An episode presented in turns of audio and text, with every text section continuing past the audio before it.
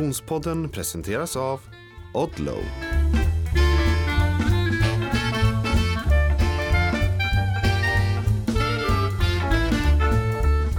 Hej och välkommen till Konditionspodden. Vi är framme vid avsnitt två denna tolfte säsong och jag som pratar heter Frida Zetterström. Hej Oskar Olsson! Hej Frida! Hur är läget? Mycket bra. Lite teknikstrul hade vi här i starten av detta avsnitt ska ovilligt erkännas. Ja, jag avskyr teknik. Det är Men... min grej, ska bara funka och nej, oproffsigt. Det här blir säkert dålig ljud också, jag ber om ursäkt. Och hela mitt humör kommer att inflektera det här avsnittet. Det ska vi nog kunna råda bot på. Är det någonting som du och jag och vi tillsammans kan vara starka på så är det mental styrka. Så det ska vi nog kunna vända, hör du kompis. Du, det är när vi spelar in det här avsnittet eh, eh dagarna före sportlov inleds på västkusten. Ehm, eh, resten av Sverige har ju kommande veckor. Många har skidåkning eh, på agendan, så även vi. Jag håller som bäst på att packa eh, för att, att ta hela min familj på en, ett dygns tågresa ner till Schweiz där vi ska åka skidor. Även du ska åka skidor nästa vecka, va? Stämmer. Mm, vad blir det? Det blir faktiskt Sepsen. Just det! Det blir spännande. Mycket spännande. Mm. Jag misstänker att det är en, en del backe och lek i, i backen med barn som står på agendan. Men eh, eh, längdskidorna ligger såklart nedpackade. Ja, men de gör ju det. Det är ju ett stundande Vasalopp som vi alla vet. Eh, så att eh, ja, även om det kommer såklart vara fokus på barnen så ska vi nog få till lite längdskidåkning jag och Rika också. vi är bra på att synka och turas om. Ja, det låter väldigt bra. Och det där stundande Vasaloppet, det är faktiskt det som dagens avsnitt handlar om. Och vi är så himla glada att ha med oss våra poddpartners genom den här säsongen. För utan partners, ingen podd. Och en relativt ny poddpartner är ju längdskidspecialisten i Borås, Oskar. Ja, det, de känner vi till. Gånger. De känner vi till, inte minst eftersom eh, du faktiskt kör skidor för Team Längdskidspecialisten. Och Jan Flodin som ligger bakom Längdskidspecialisten i Borås eh, har ju varit med här i podden och är en kompis till oss. Eh, och för den Konditionspodden-lyssnare som inte känner till det här eh, ja, men skatt får man väl ändå säga, eh, som eh, döljer sig uppe på höjden eh, eh strax utanför Borås, eh, så är ju det här en eh, otroligt eh, kunnig ehm, liten verksamhet som har funnits länge och som lite grann har som motto att eh, skräddarsy eh, lösningar, rätt skida till rätt person. Um, och det är um, Ja, det är mycket kunskap som ryms i, i det där företaget. Ja, ja verkligen. Och, ja, men det, det är lite blivit också en naturlig effekt av, som du säger, att det verkligen är ett eh, konstsnömecka där, där eh, de här tre konstsnöanläggningarna gör ett fantastiskt jobb för att eh, hålla igång skidåkningen. Och det är ju det som också har möjliggjort mycket eh, för Jans eh, ja, butik och expertis att kunna florera och växa. Och även om han har väldigt mycket kunder runt om i Sverige och, och till Vasalopp och sådär så, så är det såklart eh, mycket kunder i Borås för att det finns helt enkelt många utövare och skidåkare i, i Borås när, när, när eh, möjligheterna är så bra. Mm. Eh, jag bor ju förvisso på västkusten men definitivt inte i Borås men valde ju ändå att åka till Jan för att få hjälp med eh, min utrustning, även med min sons utrustning. Eh, mycket på grund av just den kompetensen som eh, Jan besitter. Och är det så att du som lyssnar känner att du skulle vilja uppdatera din skidgarderob med utrustning så är det förvisso närmar vi oss mitten, slutet på säsongen, men det är definitivt inte för sent utan Eh, klicka in på längdskidspecialisten.se eh, och ta kontakt med Jan. Och framförallt så vill jag slå ett slag för dig som ska åka eh, Vasaloppet att använda Jans Vallaservice. Alltså hur smart är det inte att man kan lämna skidorna i Borås, hämta dem i, Sör, äh, hämta dem i Sälen om man ska åka eh, Nattvasan, Stafettvasan eller Vasaloppet?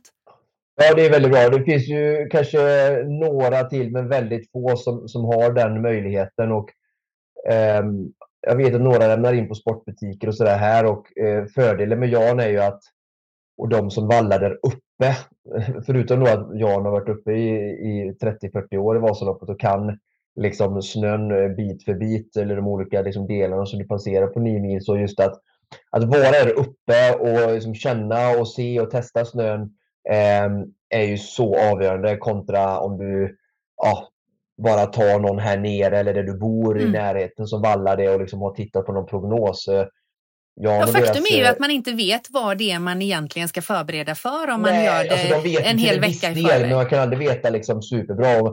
Men jag och de går ju ut och testar massa olika valler eh, dagen innan eh, mm. eller, och även på fredagen för att veta att okej, okay, eh, det är den här vallan på den här snön som ligger just nu som kommer att funka bäst. Eh, och sen så liksom står de och vallar eh, ungefär i ett dygn i sträck liksom, för att man måste ju valla mm. så, så nära inpå helt enkelt. Så mm. att, eh, ja, det, är, det är väldigt fördelaktig service om man vill skapa bra förutsättningar på den biten.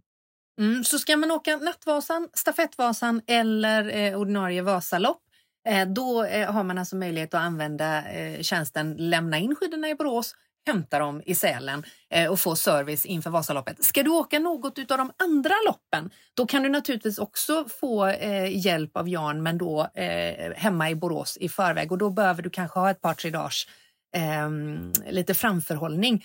Men ta kontakt med längdskidspecialisten genom att eh, eh mejla info längdskidspecialisten.se eller langdskidspecialisten.se som det såklart blir när det är mejladress. Info langdskidspecialisten.se alltså. Så. Och är det lite mäckigt och du inte hör det finns en Frida Salo och inte orkar backa så går det också att skicka in DM via Instagram så kommer det eh, informationen komma fram också. Så kan man också göra. Det finns alla kontaktvägar helt enkelt. Men stort tack säger vi till eh, längdskidspecialisten för att ni hänger med oss den här säsongen. Ja, Oskar, nu eh, närmar det sig. Det har vi gärna sagt ett tag nu. Eh, det är ju så det funkar å andra sidan, så det är inget konstigt. Men eh, sist vi hördes i poddsammanhang så stundade ett sidinglopp. Hur gick det egentligen? Jo, men det gick sådär. Eh, lite bättre än det sidingsloppet innan. Men eh, fortfarande långt ifrån eh, där, jag, där jag ska vara. Ehm, så, men jag har gjort lite andra träningspass eh, och nah, formen är god. det är andra saker i kroppen som, som spökar lite. Ehm, jag, ska, jag har testat lite nya grejer den här veckan och försöka få rätsida på min kropp. Så att, jag får en ny chans nu på lördag och så får jag utvärdera och återkomma i frågan. Men mm, ett litet steg framåt. Mm men fortfarande långt ifrån där jag, där jag vill vara. Och, eh, men återigen väldigt bra känsla tekniskt på skidorna och så. så det får jag vara glad för att ta med mig så länge. Mm, verkligen. Eh, eh, vad är det som stundar på lördag? Borås Ski Marathon. Så är det På tal om skidmäckat Borås. Just det. Ja, men vad roligt. Gud vad kul. Eh, ja, eh, när vi pratades vid sist så hade jag ju precis kommit ur penicillinkur och, och eh, sa ju det att jag har stor ödmjukhet inför att min kropp inte känns helt återställd och så har det faktiskt fortsatt. Nu har jag jobbat som en eh, knasboll de senaste dygnen. Eh, jag har varit uppe i Stockholm. Um, och det brukar jag ju faktiskt kombinera med att jag också tränar för det gör mitt, min hjärna mer skärpt. Men det har jag inte gjort. Jag har hållit mig eh, på mattan mycket på grund av att jag känner att min andning faktiskt inte har varit helt återhämtad. Så att jag ser med eh, eh, spänning fram emot kommande sportlovsvecka eh, där jag verkligen hoppas eh, få lite åkning gjord på riktigt för att komma igång. Om jag skulle fråga dig, om vi, vi, vi, vi låtsas att du är min coach, det är du ju förutom poddpartner och vän, även om du inte har coachat mig aktivt. Hur illa är det att jag har haft en månads träningsbortfall eh, eh, eh, två månader före start i Vasaloppet? Eh, och du känner ju mig eh, och det gör lyssnarna också vid det här laget. Jag är ju en allra högsta grad glad eh, och ganska eh, eh, icke-ambitiös eh, träningsfantast. Men jag har ändå gjort ett par Vasalopp och, och sådär. Hur illa är det att jag inte har kunnat träna överhuvudtaget på en månad? Det beror väl på ur ambitionssynpunkt då, får jag börja fråga. Mm. Då är ambitionen att, eh, att klara Vasaloppet? Mm. Då skulle jag säga att sjukdomen eh, inte har så stor inverkan. Okej. Okay. Just med det att du har åkt på nio timmar eh, plus några minuter. Eh, mm. Vilket är liksom, eh, en kapacitet som är långt eh, före repet då, så att säga, som innefattar att klara Vasaloppet. Eh, så jag menar, så citationstecken otränad och okunnig du var i, när du klarade repet med marginal i snöstorm. Så mm. eh, får vi bara någon i sådär okej okay förhållanden och utan liksom jättemycket snöfall där det blir obefintliga spår så, så kommer du som ha en fantastisk dag i Vasaloppsspåret och du kommer med din fysik och kropp ta dig igenom eh, utan problem eh, med erfarenhet och liksom så. Men det är klart att det kanske hamnar någonstans runt 10,5 timmar, 11 timmar istället för 9 med tanke mm. på att du inte har kunnat träna ordentligt och ja, att du kanske också mm. av den här anledningen kommer att öppna lite lugnare ändå för att liksom, när man inte har så mycket träning så är det ännu viktigare att, att spara sig till andra halvan och inte vara helt slut i Eversberg. För då blir det ännu tungare och tråkigare upplevelse när man just inte har kunnat göra de här långpassen riktigt. Och så. Mm, mm, mm. Okej, okay. bra.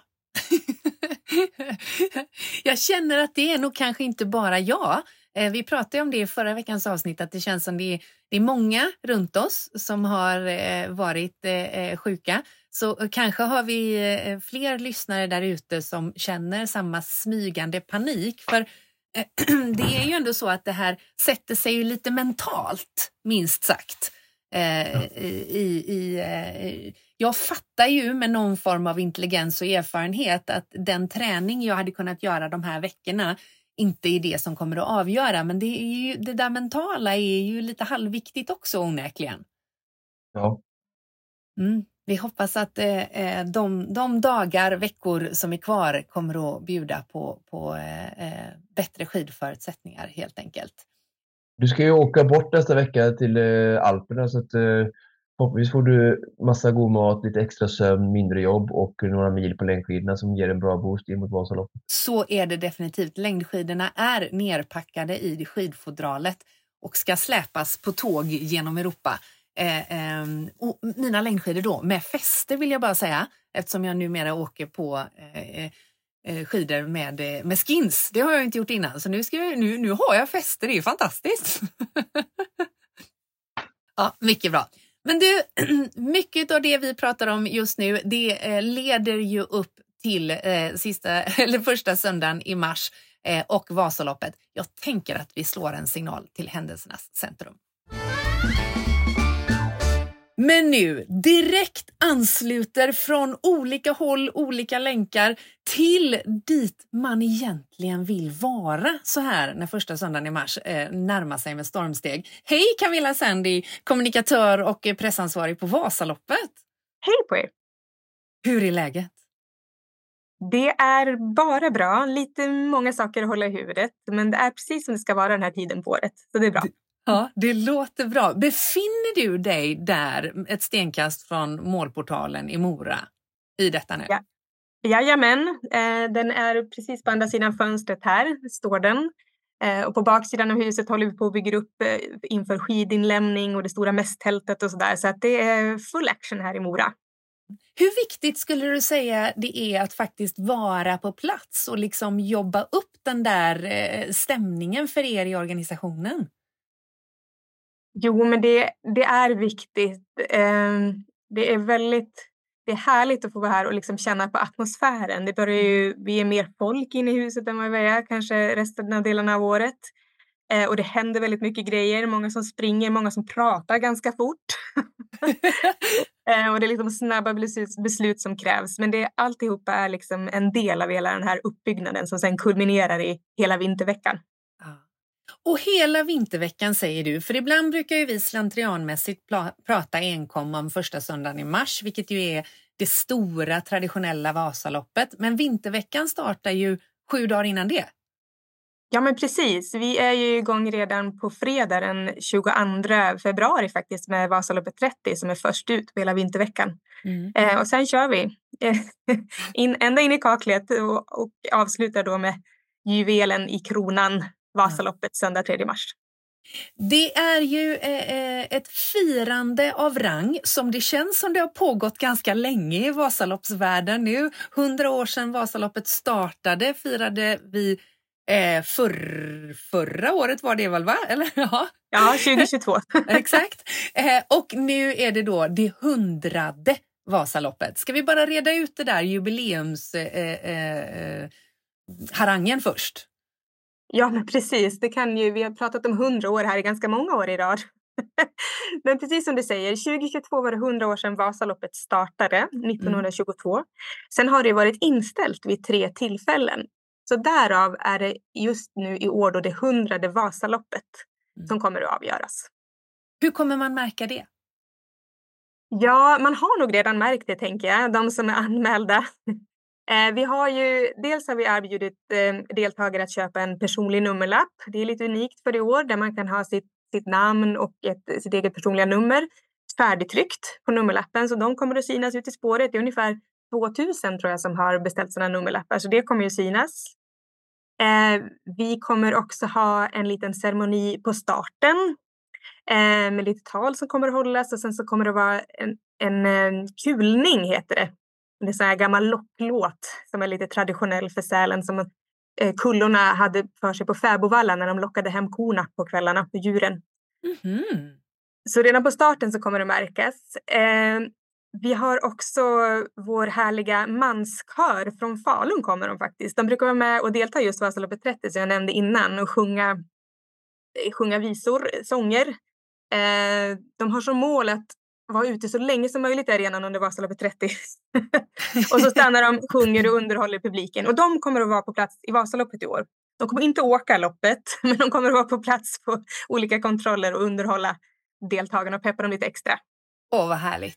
Sen bygger vi faktiskt upp en, eh, en kontroll också, en extra kontroll ut över de sju ordinarie som kommer att vara i gammeldags stil. 1920-talet där någon gång så man kommer att få uppleva det när man åker. Strax ovanför Evertsbergssjön blir den kontrollen. Mm -hmm. här, det kommer inte serveras någon energi eller någonting utan det är mer stämningen man ska uppleva med horkörare, med hästar och eldar och det ska dofta kära och folk i gammeldags kläder och sådär. Så det tror jag kommer bli lite härligt. Det var väldigt populärt under jubileumsvasan som vi arrangerade 2022 då. Just det. Kul! Ja det, det... ja, det var några av delarna. Sen har vi har ju den unika minnesmedaljen och tjusigt diplom och lite överraskningar i målet och sådär som man kan komma få uppleva. Så det, ja, det är massa grejer. Ja, härligt. Och hur ser det nu ut med, med eh, anmälningarna då inför vinterveckan? Ja, eh, vi passerade faktiskt precis 55 000 anmälda deltagare och prognoserna pekar väl på att det ska bli upp mot 60 000 som är med och åker. Eh, Vasaloppet är ju fulltecknat sedan länge då, med 15 800 deltagare och nu alldeles snart är vi nog fullbokade också i Öppet spår söndag med 10 000 anmälda deltagare. Eh, så det känns jätteroligt. Det var några år sedan vi var uppe i 60 000 deltagare med pandemier och allt sånt. Så att, eh, superkul verkligen. Det är mm. så fin vinter också. Det märks att folk är peppade på skidåkning. Jättehärligt. Om vi, om vi pratar om rekord, eh, hur många har ni haft eh, anmälda som, som, som mest eller flest?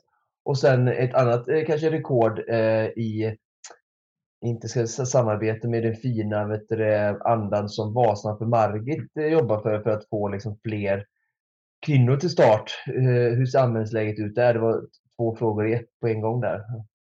Ja, precis. Nej, men, nu ska vi se om jag ser. Jag tror att vi har varit uppe i 67 eller 68 000 deltagare runt 2016 där någonstans. Nu kan jag eh, med brasklapp att jag säger fel år här, men det är några år sedan. Men då var det väl som mest hittills. Eh, och sen så har vi ju legat på det har ungefär ökat någon procentenhet i varje års eh, Vasalopp när det gäller andelen kvinnor. Eh, men sen påbörjade vi det här projektet Fler kvinnor i spåret för ett år sedan och Vasan för Margit har ju en stor del i det. De har också varit med och, och jobbat mycket för det här. Så i år, precis när anmälan öppnade, då var vi uppe i 23 procent anmälda kvinnor. Så det är ett väldigt hopp från 18,4 som det var året innan. Då. Sen vet vi att kvinnorna eh, tenderar att hoppa av i slutet medan männen har en större tendens att hoppa på. Ah. Man kan sälja eller köpa sin startplats och sådär, även om det är fulltecknat. Så nu är vi uppe i 21 procent anmälda kvinnor, men det är fortfarande absolut rekord. Mm. Okej, okay. ja, ja, vad bra. kul. Det är också ja. något som är värt att fira då. Ja, verkligen. Man kan ju fira trippelt upp, dubbelt upp. ja. ja, men vad roligt. Och hur ser det ut eh, på, eh, om man tittar eh, längst fram i leden där eh, eh allas våran Oskar Olsson eh, håller till. Vad har han för kollegor och, och konkurrenter där eh, framme? Hur ser det ut med anmälningarna? Ja, eh, det ser nog bra ut skulle jag tro. Eliten har, de har en tendens att komma in lite sent här i mm. anmälningslistorna. Men det ska bli väldigt spännande. Nu blev ju Ski Classics-loppet i Jizerska inställt i, i, nu i helgen skulle det ha avgjorts. Så nästa lopp blir ju i Orsa Grönklitt och sen kommer de till Vasaloppet och åker. Så att, eh, det blir ju väldigt spännande att få se hur, hur det går där. Men ja, jag vet inte vad Oskar säger, men nog finns det en del konkurrens där va? ja, det var väl mer vad man tänkte om det skulle varit någon som inte är liksom någon ordinarie i Ski Classic som skulle komma Eh, men det har man väl inte hört någonting om. Jag tänker det är inte VM-år nu och sådär så att ibland då så har man ju sett eh, eh, landslagsåkare som är på ålderns höst som, eh, som testar på som, som Södergren och Rickardsson och med flera har gjort genom åren. Men eh, jag vet ja. inget sånt namn just nu. Så att det är väl, Johan eh, Olsson är ju anmäld. Okej, okay. ja men det är ju stort. Ja, precis. Eh, han har ju varit anmäld tidigare men inte kommit till start. Men eh, jag tror att han var sugen i år efter vad jag har hört. ja, det blir spännande att se eh, precis hur nära eh, fronten han kan vara sig med mycket erfarenhet och mindre träning. Då. Ja, men precis. Mm, ja, men vi har några sådana där gamla, eh, gamla rävar som brukar komma in och, och delta. Några kommer också på slutet, här, så vi får väl se om de dyker upp. Ja. Du, jag tänkte jag ska ställa lite obekväma frågor, sånt som jag vet pratas om där ute och jag tänker att det är viktigt för oberoende journalistik att liksom ställa dem. Sen får du välja att passa eller försöka svara. Eh, men de springer lite i eh, det sportsliga, eh, just i alltså hur Vasaloppet kanske har utvecklats och, kan utvecklas och det finns ju liksom, ja, den diskussionen finns ju alltid bland aktiva och sen bland arrangörer och aktiva kanske inte alltid har all information på bordet som, som arrangören har. Så det, det är lätt att sitta där ute och tycka och så. Eh, men därför tänker jag att det är bra att öppna upp för, för, för transparens och, och eh, liksom, ja, kommunikation kring det. Eh, om jag ska bara nämna några eh, så vet jag att till exempel det här med för kvinnornas interference och sådär har man gjort ändringar om, om eh, målrakan och sådär eh, efter sådana incidenter. Det är, det är ett exempel på på förbättring skulle jag säga, som Vasaloppet gjort. Och sen så eh, vet jag nu, jag var ju med i den här incidenten i den här vurpan. Eh, eh, man, så nu har man gjort det här att man inte får byta spår eh, i början, eh, första kilometern tror jag. Du nickar, eh, det stämmer va? Ja, jag vågar, alltså de här är sådana frågor som är lite utanför mitt gebit, men jag ska göra mitt ja. bästa för att kunna ja. svara. Ja, ja det är bra. Ja. Eh, så jag ville Sen har det varit eh, prat om eh, olika ehm, starttider då för eh, elit och sånt där. Och det har varit damer som har blivit inträngda med männen och sådär som står långt till höger. Och inne i elitklungan så pratas det mycket om att inte som elitsidad manlig åkare till exempel stå bakom de tio spåren till höger eftersom att männen är lite snabbare iväg Ehm, och en, den, den kvinnliga eliten.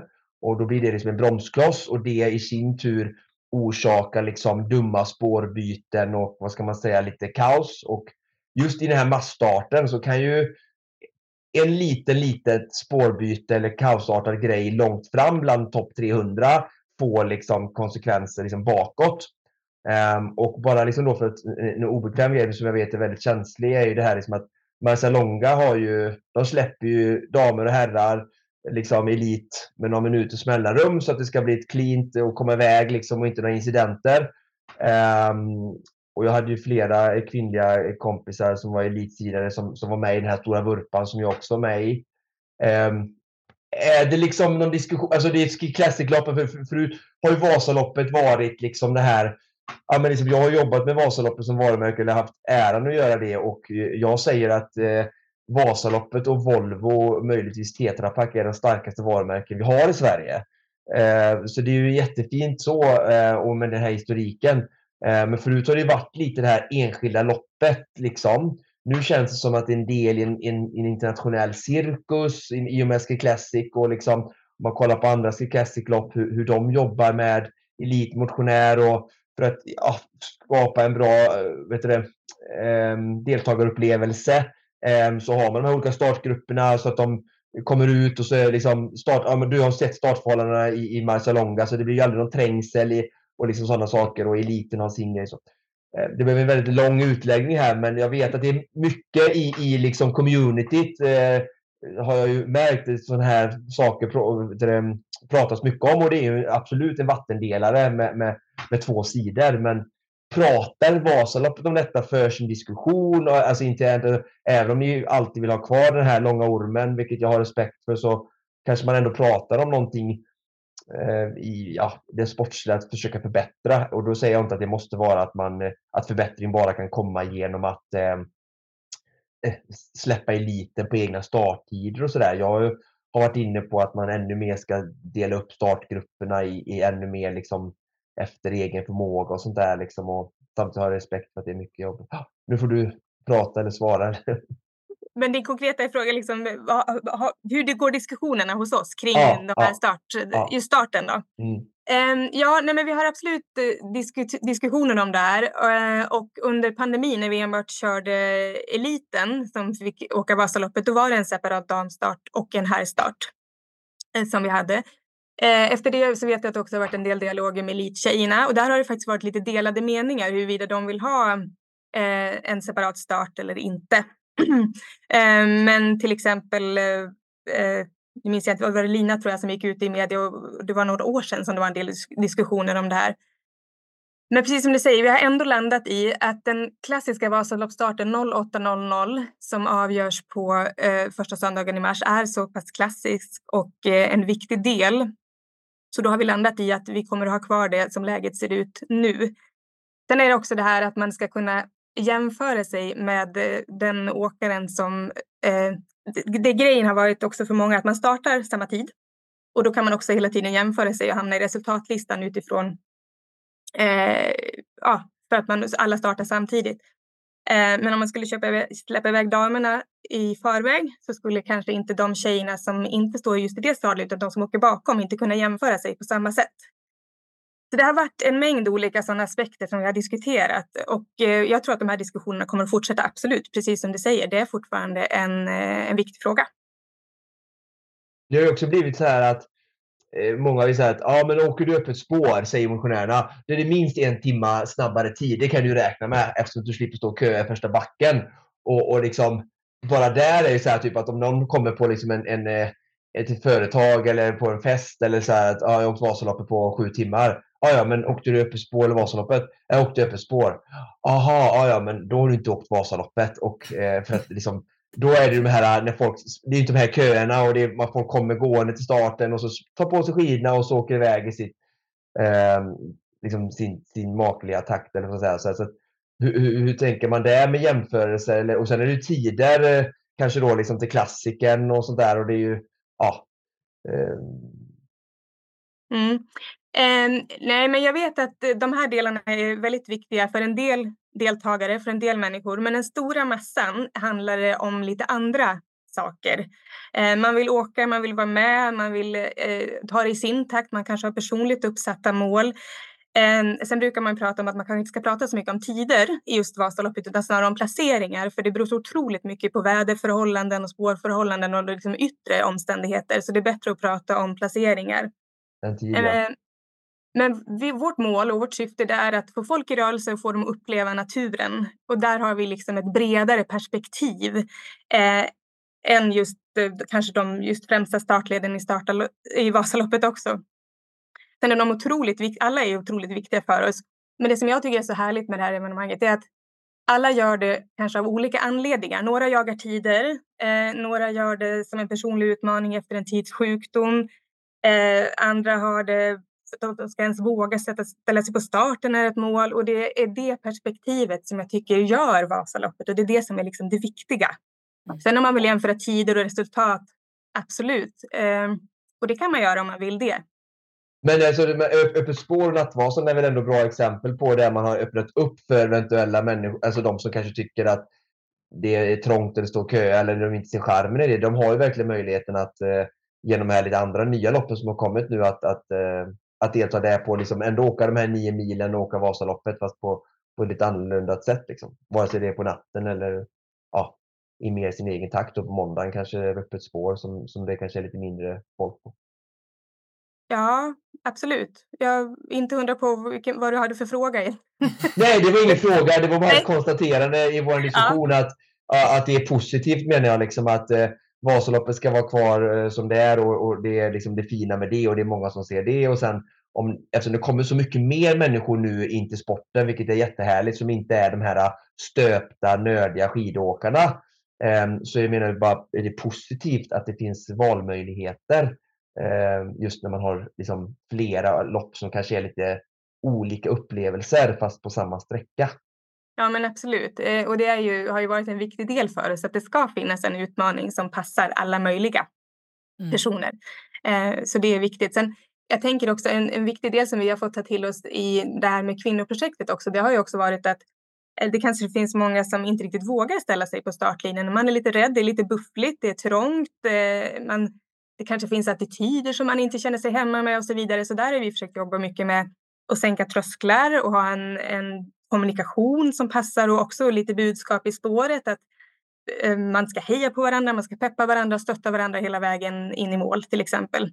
Så det är sådana saker som vi också har fått till oss, vilket är jätteintressant och spännande. Mm. Jag, jag, kan hälsa från de absolut bakersta startleden där jag har eh, hållit till de gånger jag har deltagit och Eh, kommer så även göra den här gången.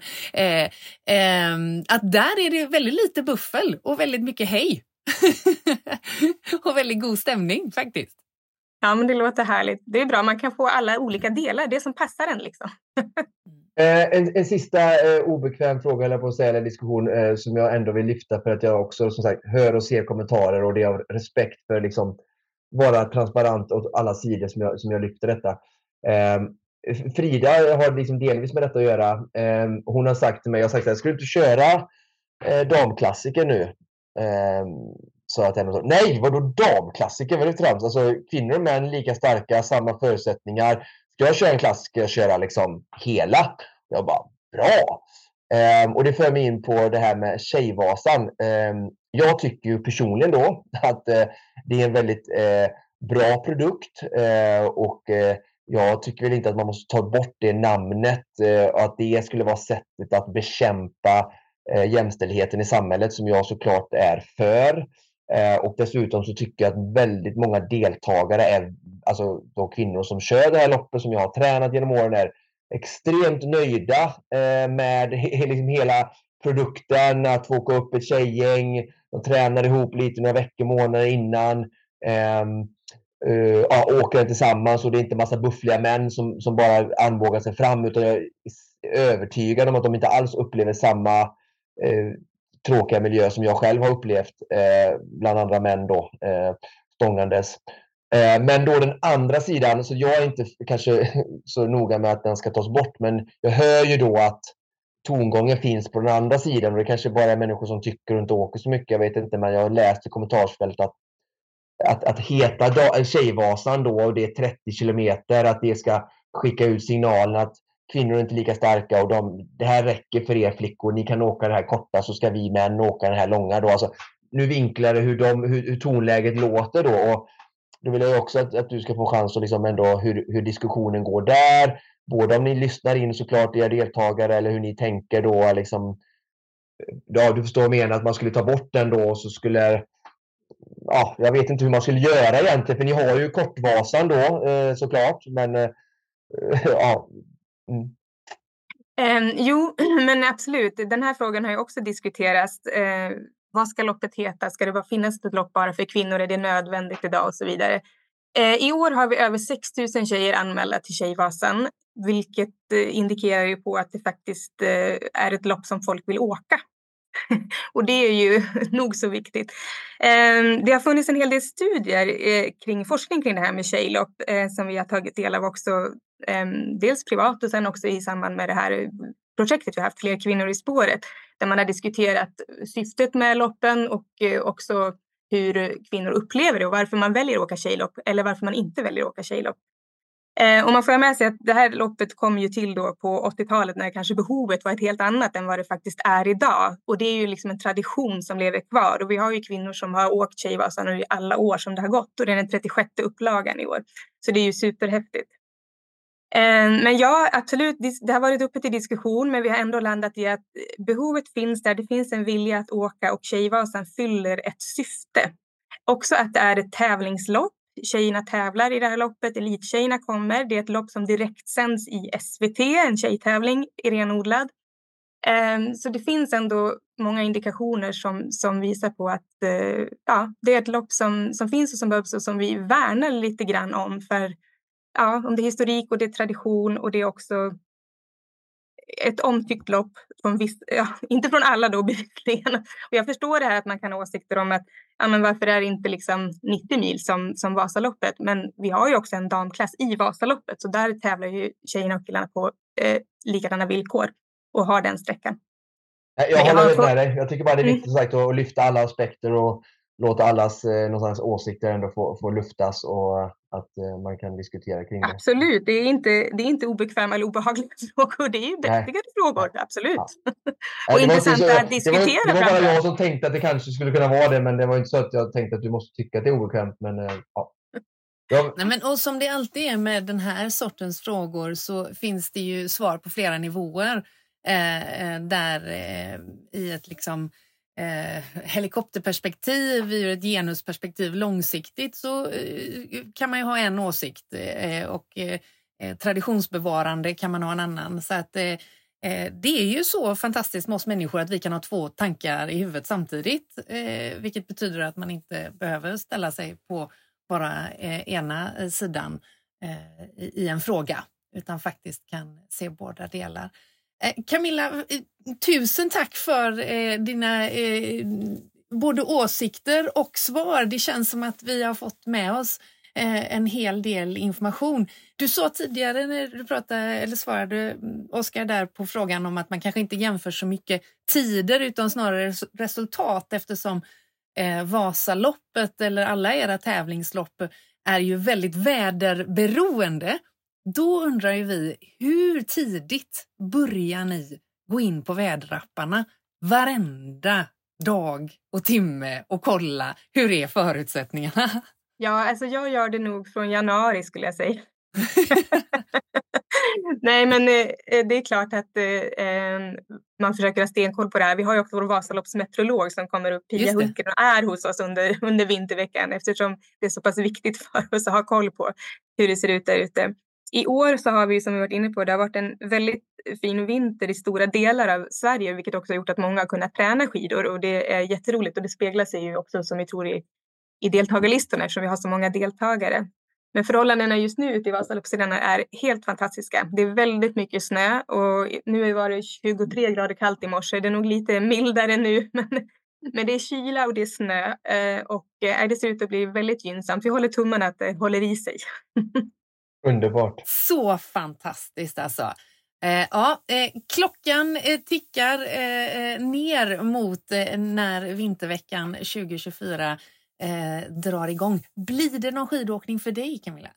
väldigt lite tyvärr de här dagarna. Några tillfällen har jag fått till men ja, det kunde vara bättre. Ja, det är bra. Du har lite annat att stå i helt enkelt. Stort tack eh, Camilla Sandi, eh, kommunikatör och eh, PR-ansvarig på Vasaloppet. Alltså, vi ses då kanske inte i spåren, men vet i målfållan kanske? Ja, det hoppas jag. Det hoppas jag. Välkommen upp! tack så jättemycket och lycka till nu det sista. Tack så mycket. Hej då! Ha det gott! Ja, härligt det är att, att, att få en direktrapport inifrån lokalerna där vid målportalen. Nu. Ja du, det, och så höra eh, Camilla säga att det är 23 minus och, och, och snö, det, ja, det är fantastiskt. Vi har, vi har fått en fin vinter och det ser ut som att vi kommer få en fantastisk Vasaloppet. Och jag är verkligen så glad och, och Vasaloppets vägnar. Eh, det kommer bli en skidfest som det blir varje år. Och, ja, har ni inte anmält er än så, så till att anmäla er till något av de andra loppen i, i veckan och åk upp och, och lapa ur det sista ur vintern eh, innan eh, den annalkande våren eh, eh kommer. Ja, verkligen så. Och så roligt att, att höra eh, hennes, eh, hennes engagemang såklart, men också att henne beskriva sina kollegor och, och alla i, i, eh, i, organisationen. Verkligen härligt. Och precis som Camilla sa så är det ju så att Vasaloppets övergripande syfte är ju att få folk i rörelse. Eh, vi och Vasaloppet är, är, ju kompisar på många sätt och har varit länge, men också faktiskt väldigt mycket i, i vår grundfilosofi. Det är ju lite det som har, har varit eh, grundtanken med, med vår podd ända sedan, den startade för tolv säsonger sedan. Eh, att inspirera till rörelse och eh, motivera och, och ge härliga exempel. Och det gör ju någonstans, Oskar, att vi har tentaklerna utåt på de här frågorna. Eh, och, och, i veckan som gick så, så blev du lite provocerad. Lite. Det var milt uttryckt. Ida Zetterström. äh, men liksom, det var, eh, slog mig lite, jag kollade på Uppdrag granskning igår också, ett annat program som sänds av Public Service som jag har mycket att säga om. Eh, men eh, eftersom vi allihopa är med och betalar. Men eh, då pratade de om ehm, de här personerna som blåser eh, pensionärer i, i, på pengar. Då. Och mm. Det är ju totalt förkastligt såklart, men det på något sätt gör mig mindre oroad på det sättet att vi som är de goda krafterna kan någonstans enas tillsammans och sen bara liksom se problemet, det här är inte okej, okay, attackera och så bara stänga ner dem på något sätt med, med hårdare tag helt enkelt.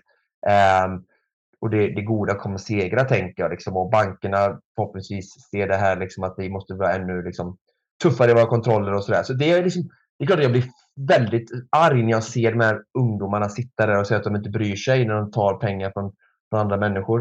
Eh, men när jag ser det här då eh, programmet eh, Utrikesbyrån? Ja, Nyhetsbyrån. Förlåt. Nej, Utrikesbyrån var det. Eh, utrikesbyrån. Jag pratar om, om eh, alltså då är det den goda sidan återigen. Alltså det är massa duktiga, kunniga människor som har ett gott uppsåt.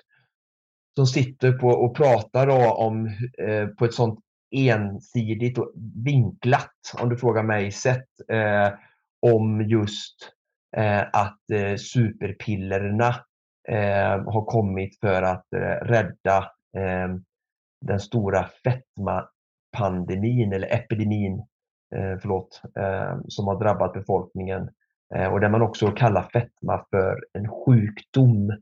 Mm, aldrig eh. mera fet heter avsnittet som vi eh, refererar till. Det är alltså Utrikesbyrån på, på SVT som hade, har gjort det här programmet. Um, och det är klart att någonstans tror jag att när du säger så, det är ju där som det hela hela avgörs i, i vinkeln om man väljer att se fetma eller obesitas som en sjukdom eller inte. För det är klart att um, det, det, är ju ganska avgörande, tänker jag. Ja, det är det absolut. Eh, för att eh, så fort det är liksom en, eh, en mer, så att säga, sjukdom, eh, alltså jag kan säga alltså en sjukdom som ett virus eller du får influensa eller sådär och väldigt hög och svår influensa så det är klart att det blir väldigt liksom enkelt att motivera att man vill att ge den personen liksom feberdämpande medicin för att liksom, ja, kunna ta hand om det på något sätt. Liksom. Men när vi pratar om fetma så är det ju ett, ett, enligt mig ett, ett långsgående eh, beteende från en individ eh, där varje vuxen individ över 18 har ett eget ansvar för sin hälsa om du frågar mig. Och, eh, även om vi har genetiska ja, men att fettcellerna kan ha genetik som går i arv då, att vi har haft feta föräldrar och lättare att utveckla fett, så kan man ju tycka att det är lite orättvist för att vi har olika förutsättningar. Vi har också barn som föds i utsatta länder men som tar ansvar över, över sitt liv och ändå liksom skapar eh, framgång eller liksom, eh, ja, välgång i sitt liv. Så att, eh, alla föds ju med olika skedar i munnen så att jag känner väl inte att det är ett argument Eh, för att, liksom, att man kan gömma sig bakom det även om man kan känna och skicka kärlek till människor som, som har det kanske lite tuffare än andra. Men i min mening så har varje, eh, ligger liksom huvudansvaret när det kommer till fetma bara hos individen och att det inte ska vara så mycket liksom ett skattesubventionerat stöd i samhället. Liksom precis som att någon som hamnar hos Kronofogden då som men jag har en, eh, en sjukdom som gör att jag, kan in, jag har jättesvårt för att säga nej till överkon, eh, överkonsumtion. Eh, jag, jag har liksom ingen koll på mitt eh, handlande. Eh, så nu behöver jag liksom att ni betalar av mina skulder och tar ansvar för mitt beteende som jag haft här i tio år som har lett till att jag har två miljoner hos Kronofogden. Där är mänskligheten helt annan, liksom, inte alls så förlåtande och liksom inte alls lika beredd att gå in med skattefinansierade medel för att liksom hjälpa den här personen ur detta. Ehm, och jag säger väl inte kanske liksom att personerna inte ska få någon hjälp och stöttning. Det finns så mycket kunskap på så många olika sätt att hjälpa människor genom utbildning framför allt. Liksom. Ehm, och sen i den här debatten så tycker jag det är ganska roligt att det pratas väldigt mycket om Alltså de, jag läste på Folkhälsomyndighetens eh, sida nu och då pratar man hur utsträckt eh, det här problemet är bland eh, alltså socioekonomiska grupper, alltså som har mindre inkomster och kanske mindre utbildningsnivå och sådär. Och, och det, det, förstår jag ju för att eh, det billigaste att köpa i samhället är ju socker och det är ju vi själva som har valt att det ska vara så. Eh, jag har respekt för att ICA-handlarna och Coop och, och Willys och alla andra eh, vill tjäna pengar. Ehm, så det är lättast att tjäna pengar på det som, som du går att sälja mest volym av. Och då sätter man dem väldigt kategoriskt, de här eh, de produkterna utstuderat vid eh, kassorna när folk är hungriga och står där i kön och är sugna och, och folk är lite osmarta och går och handlar när de är, med just hungriga på eftermiddagen efter jobbet och sådär. Och då går det rätt ner. Och det är väldigt lätt sätt för då de som styr landet och Folkhälsomyndigheten skulle väl kunna göra en rapport på detta eller studie och skicka till regeringen att kan vi inte bara ta bort momsen eh, på allting som är nyttigt? Så att det blir superenkelt för alla med låg ekonomi och inkomst att handla och göra hälsomässiga val. Och så det som inte är så bra, alltså kolla på vår tobaksskatt, kolla på vår alkoholskatt. De har ju exakt samma dåliga inverkan på kroppen. Så bara tokhöjer vi dem och så använder vi de pengarna då för att kom, eh, kompensera för de andra. Alltså det här är ju jättevanliga styrmedel som mm. används i liksom, ja, bland många styre runt om i världen. Så jag förstår liksom inte att vi inte kan gå in och hjälpa folk, alltså, eh, alltså en befolkning som uppenbarligen inte har kunnat hantera detta med samma argument som vi har liksom, eh, fortfarande förstatligat eh, vår alkoholkonsumtion. Men, och det, det är ju väldigt många frågor eh, i den här debatten. Det är många olika nivåer som debatten förs på. Eh, och det gäller ju att hålla isär de här olika delarna. Eh, och lite som när vi pratade med Camilla förut, man kan ju ha två tankar i huvudet samtidigt och, och, och eh, vissa delar av det här är du och jag helt överens om. Men kan det vara så, eh, tänker jag, att vi idag vet så pass lite om fetma och drar liknelsen till så lite som vi visste om psykisk ohälsa för ett antal år sedan när man bara kallade det för att folk var svaga i nerverna eh, och kunde skärpa till sig. Kan det vara så att vi vet så pass lite om hur olika betingade vi är eh, och hur olika lätt vi har för att falla i det beroendet? Att vi, att det, det, att vi hårdrar det lite för mycket? Mm. Skulle det ha kommit nu då? Eh, alltså jag tänker så här att och då är det i så fall att, då menar man skulle gå på den teorin, då skulle det vara, det har varit så i alla tider. Men nu då för att eh, livsmedelsindustrin bara har liksom pressat ut massa eh, sockriga produkter. Eh, och att det är först nu det visar sig då? Mm. Ja, så är det första gången det här visar sig då. Att, eh, men liksom, är, vad är argumentet på din sida att, att, de, att vissa människor föds med sämre förmåga att kunna motstå mm. sådana här saker?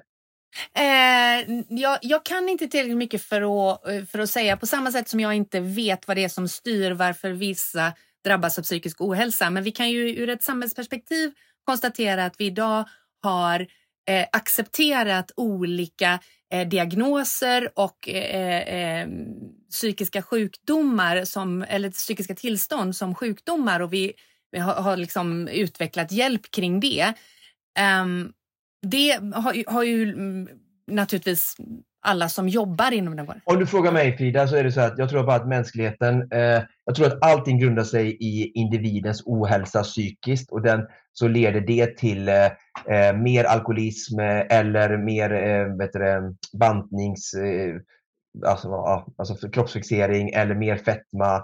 Eh, alla typer av olika liksom, ohälsosamma eh, beteenden. Det grundar sig i psykisk ohälsa. Sen är mänskligheten en jättebra expert enligt mig att sätta massa etiketter på allt detta för att hitta en förklaring som vi alla kan skydda oss ifrån. Där om vi kan skydda oss från det med massa etiketter så slipper individen ta ett ansvar. Och det, det, det är det jag saknar i det programmet. Vad kunde, vad kunde individen gjort annorlunda? Eh, vad kunde liksom Eh, alltså förstår man, det, det, det, liksom, de pratar ingenting om ansvaret hos den egna individen. Och det ser vi på så många Eh, platser i debatten i samhället om du frågar mig. Eh, så jag vill egentligen bara, grundsaken är att jag vill skjuta över mer ansvar på varje individ. I, I, vissa lägen i samhället så är det väldigt noga att man ska ta ansvar, att man ska gå till sitt jobb och man ska betala sin skatt. och Där ska vi ta ansvar. Men sen kommer det väldigt många andra som vår hälsa, vår ekonomi, eh, andra saker. Liksom. Även vårt brottssystem där man kan komma undan med ganska mycket om du frågar mig, och straffrabatter och allting. Så det är liksom så här, där ska man inte behöva ta så mycket ansvar alls. Och jag vill att varje människa på jorden ska ta mycket större ansvar på fler ställen i livet och över mm, sig själv. Mm. Eh, sen ska det alltid finnas liksom, eh, hjälp och liksom, eh, för de som verkligen behöver det. Eh, mm. ja, och ett skyddsnät som, som, som, som skyddar. För det finns ingenting är svart eller vitt här. Mm. Liksom. Eh, Nej, ja, det, det, det är som sagt ett stort ämne detta helt klart och om du som lyssnar blir intresserad av att ta del av vad det är som eh, startade det här samtalet för, för våran del just den här gången så är det alltså eh, Utrikesbyråns avsnitt Aldrig mera fet. Jag tycker ju då med, med min public service bakgrund att det var jag tycker inte alls att eh, eh, själva avsnittet var eh, så provocerande. Jag tycker att man hade flera olika röster. Eh, det var ju 30 minuter, vilket ju är extremt begränsad tid. Men eh, Fredrik Boltes till exempel, som har gjort eh, min dokumentär, eh, hade ju flera eh, aspekter som eh, kanske inte delades av överläkaren som satt i, i studion eller Anders Hansen som också var en av rösterna som som hördes.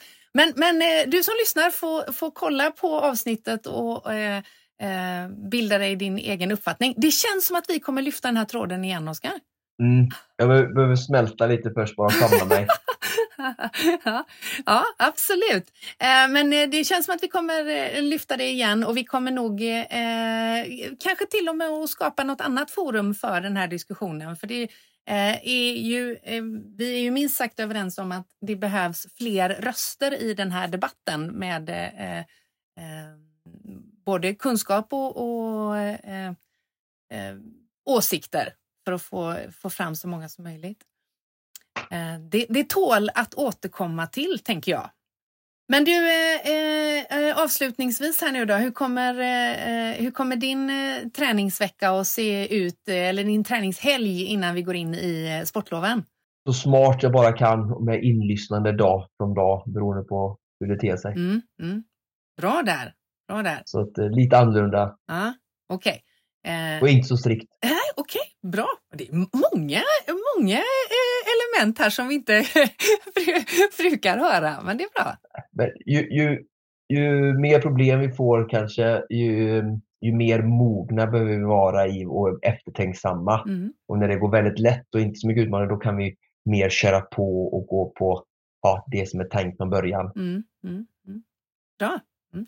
Vi låter ju i sedvanlig ordning Konditionspoddens lyssnare följa med på den här resan. Så eh, nästa veckas avsnitt eh, vågar vi nästan redan nu utlova kommer att, att eh, ske från om minst två, kanske till och med tre olika snöiga destinationer eh, på länk. Det blir spännande. Mm. Mm. Men detta, kära lyssnare, var allt vi hade att bjuda på för den här veckan. Precis som vanligt produceras Konditionspodden av Fredag. Connect Brands with People.